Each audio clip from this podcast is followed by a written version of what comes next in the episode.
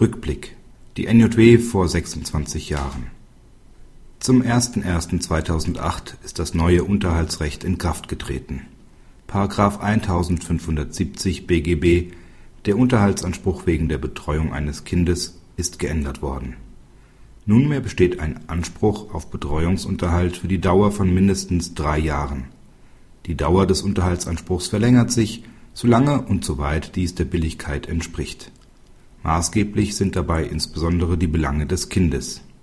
In Heft 32 aus 1982 äußerte sich Jutta Limbach zum Verhältnis von Familie und Beruf im Unterhaltsrecht nach der Scheidung.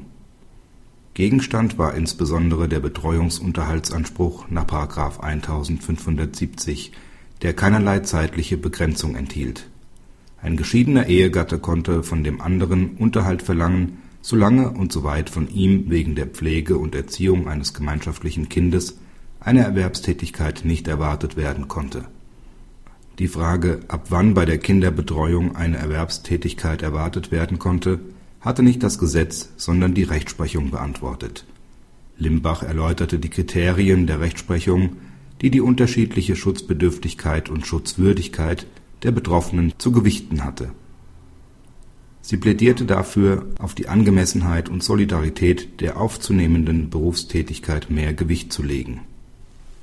Noch ist nicht klar abzusehen, wie die Praxis mit den neuen Vorschriften zum Betreuungsunterhalt verfahren wird.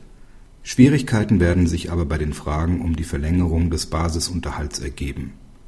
Auch im Rahmen des neuen Betreuungsunterhalts wird sich die Rechtsprechung verstärkt damit beschäftigen müssen, Kriterien für die Ausfüllung der Billigkeitsregelung zu finden, die, mehr als bisher, von den tatsächlichen Gegebenheiten jedes Einzelfalls bestimmt wird. Hilfestellung hierzu gab der BGH nun am 16.07.2008. In seinem Grundsatzurteil entschied er, dass Alleinerziehende ab dem dritten Lebensjahr eines nicht ehelich geborenen Kindes aus elternbezogenen Gründen Betreuungsunterhalt verlangen könnten, wenn die Beziehung der Eltern einer Ehe vergleichbar war. Dies sei der Fall bei längerem Zusammenleben oder bei einem gemeinsamen Kinderwunsch. Auch eine ganztägige Betreuung des Kindes im Kindergarten führe nicht notwendig zu einer vollschichtigen Erwerbspflicht des betreuenden Elternteils